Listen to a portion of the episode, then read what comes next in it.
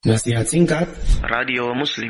Di antara hikmah dari kita terjerumus dalam dosa yaitu bahwasanya tatkala kita ingat dosa-dosa kita, ingat dosa-dosa kita, maka kita tidak merasa tinggi. Kita tidak pernah merasa ujub. Sekarang mungkin alhamdulillah Allah telah selamatkan kita dari jurang kenistaan. Allah selamatkan kita dari kemaksiatan. Kita tidak menjadi angkuh setelah itu. Kita ingat kita pernah dulu bermaksiat kepada Allah Subhanahu wa taala. Allah tutup aib-aib kita. Kita ingat dulu kita pernah berlezat-lezatan dalam kemaksiatan. Orang beriman harusnya kalau bermaksiat dia benci. Hatinya gelisah tatkala dia bermaksiat. Hatinya berontak. Tapi sebagian kita tatkala bermaksiat bukan hatinya berontak, dia benar-benar berlezat-lezat. Kata Ibnu Qayyim orang seperti ini butuh dua taubat.